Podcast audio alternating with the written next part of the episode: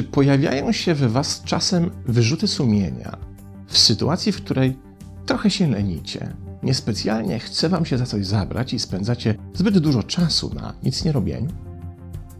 To bardzo ciekawe zjawisko, bo najpierw oddajemy się lenistwu, by później się za nie obwiniać. Słyszymy wewnętrzny wyrzut sumienia: weź się wreszcie do roboty. Ileż można się obijać? Zrób coś pożytecznego. W ten sposób nigdy niczego nie osiągniesz. No tak, przecież na pozór nie ma w tym nic dziwnego. Aktywność uznajemy za sprawczą i lubimy się nią afiszować, zaś pasywność wolimy zamieść pod dywan.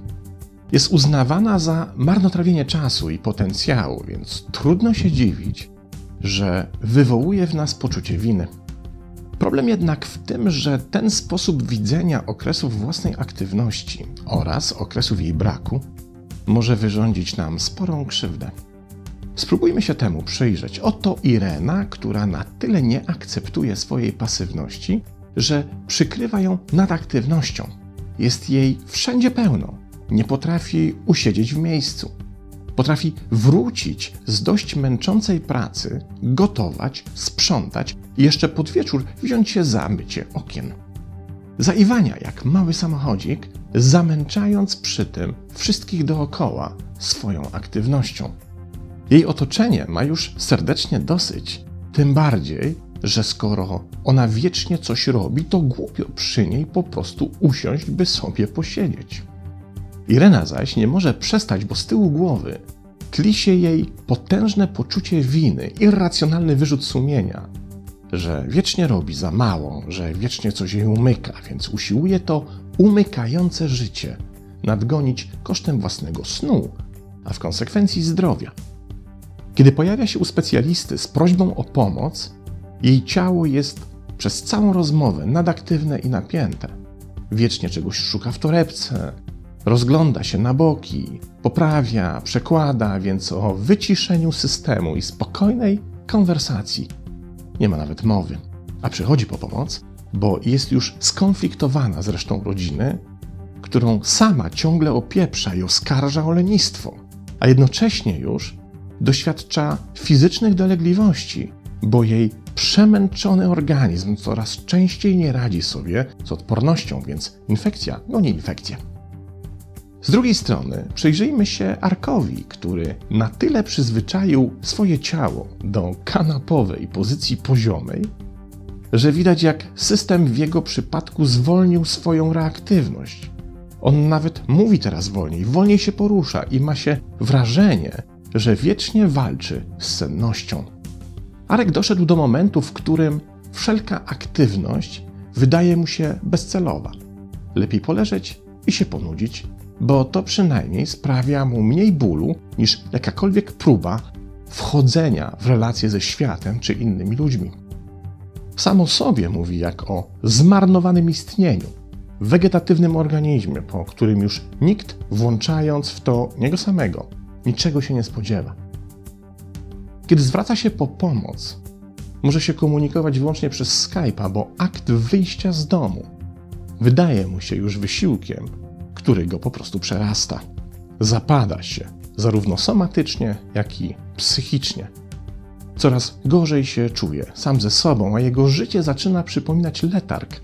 Z każdym dniem coraz bardziej wyczerpujący. Te dwa skrajne przykłady tego samego problemu to przeniesienie koncentracji na jedną skrajność osi naszej aktywności z totalnym wykluczeniem drugiej.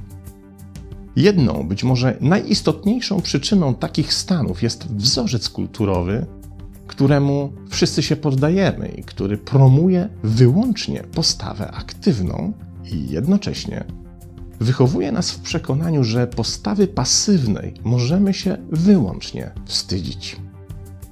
Wystarczy włączyć dowolną mowę motywacyjną z gatunku możesz wszystko, by zobaczyć, jaka postawa jest tam promowana. Słyszymy więc, jak motywator wykrzykuje: Musisz cisnąć, musisz być hiperaktywny, musisz zaiwaniać, bo inaczej nie zarobisz pieniędzy, nie osiągniesz sukcesu, będziesz nikim. Kolega mówca prezentuje nam przy okazji migawki z własnego życia. O 5 rano siłownia, o 7 nauka francuskiego, potem lekcje tanga, później lekkie śniadanie, oczywiście ze słuchawkami na uszach i audiobookiem innego motywatora. Potem sauna, tenis, wykład o mamutach, nauka spawania, bieżnia i orbitrek, wizyta u wizerzystki, spłata raty kredytu i nurkowanie w wodzie po ogórkach. I tak do wieczora. A widzisz, mówi na koniec dnia pan motywator? Ja mam pieniądze, bo tak właśnie robię, a ty nie masz, bo nie robisz. Nie dziwmy się zatem, że przy takim nacisku na promocję aktywności mamy poczucie winy, ilekroć czegoś nam się po prostu nie chce. A z drugiej strony doprowadzamy do zwarcia styków w przegrzanym systemie, kiedy już się za coś weźmiemy. System wtedy funkcjonuje, dopóki mamy siłę, by zaiwaniać, za co i tak trzeba będzie po jakimś czasie zapłacić koszty wypalenia, przemęczenia i przeciążenia organizmu. Zaś w niektórych wypadkach, kiedy to zaiwanianie jednak nie przynosi oczekiwanych efektów, kończymy na kanapie terapeuty, jak wspomniany wcześniej kolega Arek, z kompletną deprawacją poczucia własnej wartości i rosnącą niechęcią do całego świata. Tymczasem promocja wyłącznie postawy aktywnej i deprywacja pasywnej nie jest zgodna z naszą naturalną tendencją do życia w zbalansowanej harmonii. Bo żeby wyzwolić się z tego szaleństwa hiperaktywności, trzeba zrobić coś, na co tak wielu ludzi nie jest gotowych. Trzeba zaakceptować osobowość pasywną jako integralną i wbrew pozorom również zadaniową część całego systemu. Posłużmy się tutaj przykładem zbudowanym na założeniach psychologii transpersonalnej, by pokazać, jak ten system może działać. Oto Kazik, którego życie zawodowe i prywatne można by zobrazować rodzajem sinusoidy wpisanej w układ współrzędnych. W poziomie przebiega oś czasu, zaś w pionie oś natężenia aktywności.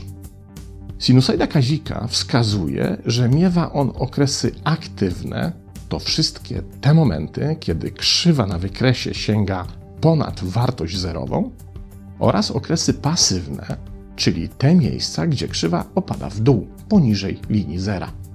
A to oznacza, że odpowiednie okresy aktywności przedzielone są u Kazika okresami dezaktywacji systemu, czyli pasywności. Teraz użyjmy wyłącznie naszej wyobraźni, by rozdzielić główny trzon kazikowego istnienia na dwie osobowości. To tak, jakbyśmy mieli w samym kaziku do czynienia z dwoma kazikami jednocześnie. Jeden kazik, nazwijmy go kazikiem A, jest aktywny, sprawczy, efektywny i zawsze zmotywowany do działania.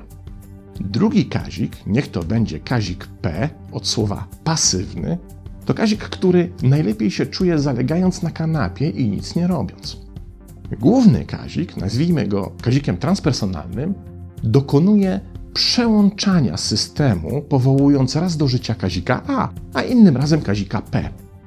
Jeśli główny kazik zaś uległ kulturowemu wzorcowi promocji aktywności, to będzie lubił w sobie wyłącznie kazika A i jednocześnie trochę się wstydził kazika P, traktując go jako niechciany balast, coś bezproduktywnego, rodzaj pasożyta w systemie. Ilekroć więc pojawi się kazik A, tylekroć kazik transpersonalny będzie zadowolony z siebie, będzie miał poczucie sensu i sprawczości i będzie też skłonny do ekspozycji takiej aktywności na zewnątrz. Jednak jeśli w systemie pojawi się kazik P, to będzie traktował go jako nieproszonego gościa, kogoś, kim nie należy się chwalić, osobę, której trzeba się pozbyć z systemu.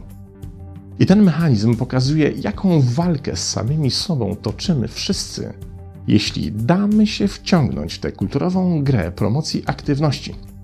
Zawsze będą jej towarzyszyły skoki emocjonalnego napięcia i wahania nastroju, podsycane satysfakcją ze zmotywowanej aktywności i deprecjacją potrzeby odpoczynku. Teraz wyobraźmy sobie tych dwóch kazików aktywnego i pasywnego jako rzeczywiste osoby i zajrzymy na chwilę do ich głowy. Kazik A, aktywny, będzie dumny z siebie i pewny swego, bo czuje się hołubiony przez system. Kazik P będzie prezentował postawę odwrotną. Będzie posiłkował się konceptem i tak nikt ode mnie niczego nie oczekuje, więc po jasną cholerę mam się wysilać. A to przeniesie się na postrzeganie go w taki sposób również przez innych. To tak jakby Kazik P był tym członkiem zespołu projektowego, który nigdy przy konferencyjnym stole nie zabiera głosu. Po jakimś czasie przyzwyczai całe towarzystwo, że nie ma przecież najmniejszego sensu pytać go o cokolwiek, prawda? W ten sam sposób egzystuje w systemie osobowość pasywna. Nikt się po niej niczego nie spodziewa, nie stawia przed nią żadnych zadań, więc po co się w ogóle wysilać? A gdybyśmy teraz odwrócili tę sytuację i spróbowali przywrócić jej właściwą równowagę, gdyby tak transpersonalny Kazik skomunikował się z własną osobowością pasywną, czyli Kazikiem P, i przekazał mu, co następuje. Wiesz, stary, tak naprawdę jesteś niezbędnym elementem całego systemu. Jesteś w nim niezwykle ważny, bo to ty a nie Kazik A, ładujesz akumulatory, by cały system mógł działać w odpowiedniej harmonii. Pełnisz w systemie niezwykle ważne i cenne zadanie. Kiedy system wytraca swoją aktywność, przychodzi pora na ewaluację projektu, na przemyślenie, czy wszystko idzie zgodnie z planem.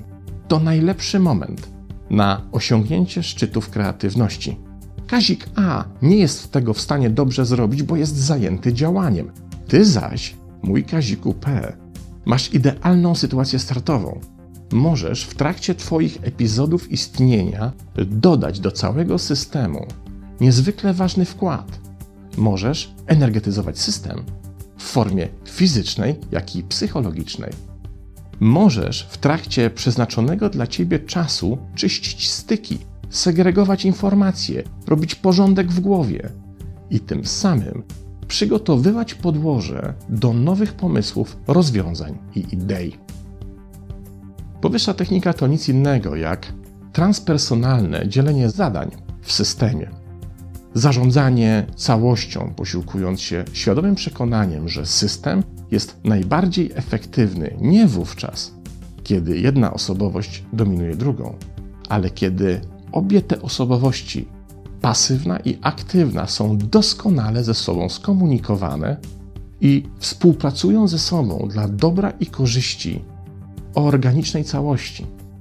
Wówczas epizody pasywne nie są bezproduktywne, są niezwykle ważne, bo wprowadzają harmonię w systemie.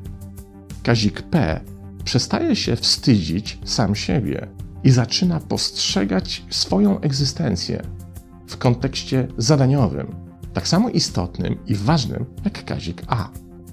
Dopiero to daje nam odpowiednio zbalansowaną formę istnienia, dużo bardziej sprawczą niż obarczanie robotą wyłącznie kazika A. I to, prawdę powiedziawszy, nie jest żadne odkrycie. Psychologia transpersonalna nie wyważa tutaj żadnych dawno otwartych drzwi. Wystarczy przypomnieć sobie słowa Kubusia Puchatka, który Doskonale wiedział, że z nic nie robienia czasem się biorą najlepsze co się. Pozdrawiam.